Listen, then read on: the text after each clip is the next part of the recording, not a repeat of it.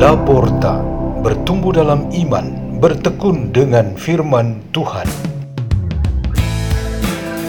Radio Laporta, pintu terbuka bagimu untuk pertumbuhan pengetahuan dan kebijaksanaan tentang Allah.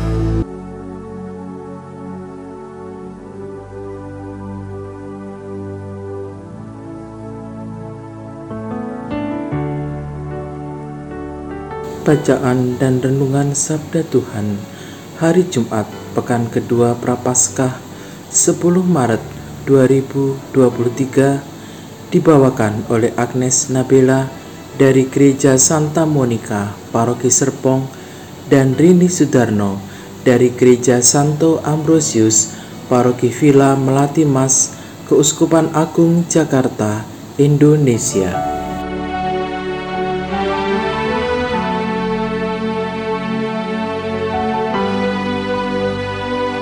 Bacaan diambil dari Matius 21 ayat 33 sampai 46. Sekali peristiwa Yesus berkata kepada imam-imam kepala serta tua-tua bangsa Yahudi, "Dengarkanlah perumpamaan ini. Seorang tuan tanah membuka kebun anggur dan menanam pagar sekelilingnya. Ia menggali lubang tempat memeras anggur dan mendirikan menara jaga di dalam kebun itu. Kemudian, ia menyewakan kebun itu kepada penggarap-penggarap, lalu berangkat ke negeri lain. Ketika hampir tiba musim petik, ia menyuruh hamba-hambanya kepada penggarap-penggarap itu untuk menerima hasil yang menjadi bagiannya. Tetapi para penggarap menangkap hamba-hambanya itu yang seorang mereka pukul, yang lain mereka bunuh, dan yang lain lagi mereka lempari dengan batu. Kemudian, Tuan itu menyuruh pula hamba-hamba yang lain, lebih banyak daripada yang semula. Tetapi mereka pun diperlakukan sama seperti kawan-kawan mereka. Akhirnya, Tuan itu menyuruh anaknya kepada mereka, pikirnya. Anakku pasti mereka segani. Tetapi Ketika para penggarap melihat anak itu, mereka berkata seorang kepada yang lain, "Ia adalah ahli waris, mari kita bunuh dia, supaya warisannya menjadi milik kita." Maka mereka menangkap dia dan melemparkannya keluar kebun anggur itu, lalu membunuhnya. Maka, apabila tuan kebun anggur itu datang, apakah yang akan dilakukannya dengan penggarap-penggarap itu?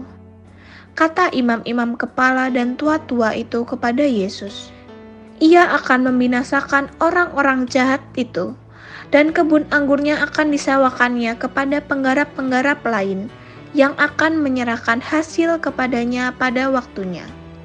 Kata Yesus kepada mereka, "Belum pernahkah kamu baca dalam kitab suci?" Batu yang dibuang oleh tukang-tukang bangunan telah menjadi batu penjuru? Hal itu terjadi dari pihak Tuhan, suatu perbuatan ajaib di mata kita. Sebab itu, aku berkata kepadamu, kerajaan Allah akan diambil daripadamu dan akan diberikan kepada suatu bangsa yang akan menghasilkan buah kerajaan itu. Demikianlah sabda Tuhan.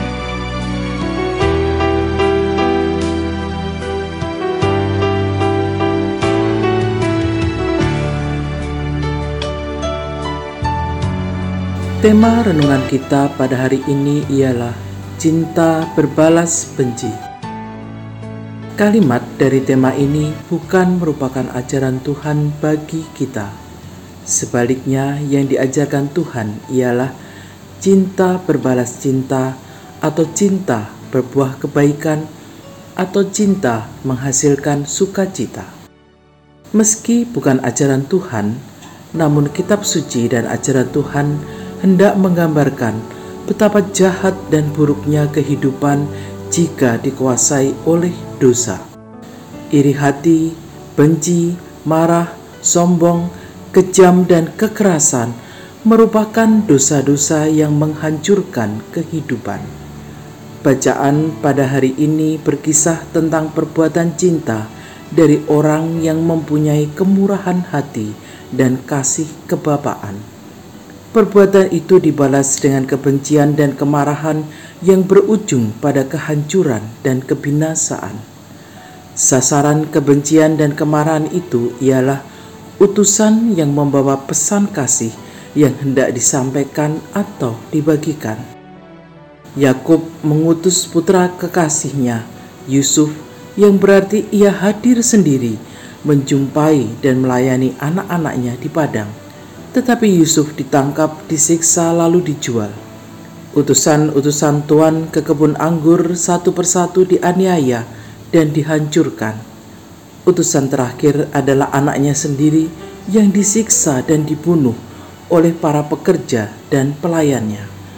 Di dalam masa prapaskah ini, peringatan tentang cinta berbalas benci bertujuan memperkuat kewajiban kita untuk melakukan beberapa tindakan. Pertama, ialah ketidakmampuan membedakan cinta berbalas cinta dari cinta berbalas benci harus dihindari. Mereka yang menyatakan diri beriman kepada Tuhan tetapi tidak bisa membedakan itu lalu sengaja membalas cinta dengan kebencian sebenarnya bukan pengikut Kristus. Kedua, sebagai orang-orang beriman, ketaatan kita menuntut supaya kita berpihak pada pilihan untuk melakukan kehendak Tuhan. Terkait dengan pembedaan tadi, pilihan kita ialah cinta berbalas cinta, kebaikan berbalas kebaikan, sukacita berbalas sukacita. Supaya bisa memilih ini, kedekatan dan keintiman kita dengan Tuhan sangat diperlukan, dan bukan sikap dingin, malu, dan menjauh dari Tuhan. Sering berkomunikasi dengan Tuhan merupakan cara yang paling umum untuk dilakukan. Ketiga, cara cinta berbalas benci adalah pengalaman nyata Yesus sendiri dalam berhadapan dengan para musuhnya dan ini diwariskannya kepada kita. Yesus tidak takut dan lari dari gempuran kuat kebencian dan ancaman. Semakin benci dikobarkan, semakin besar pula cinta yang dilakukan. Banyak perlakuan penuh kekerasan diterimanya. Semakin banyak kesabaran, keteguhan iman, dan pengampunan yang ditunjukkan sebagai balasnya cara ini yang ia ajarkan kepada kita dan kita dituntut untuk melakukannya. Marilah kita berdoa.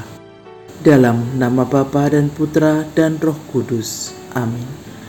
Bapa yang bijaksana, semoga rohmu selalu menerangi budi dan hati kami, supaya kami dapat selalu membedakan yang baik dan yang jahat kemuliaan kepada Bapa dan Putra dan Roh Kudus, seperti pada permulaan, sekarang, selalu, dan sepanjang segala abad. Terpujilah nama Yesus, Maria, dan Yosef, sekarang dan selama-lamanya. Amin. Dalam nama Bapa dan Putra dan Roh Kudus. Amin. Radio Laporta, pintu terbuka bagimu.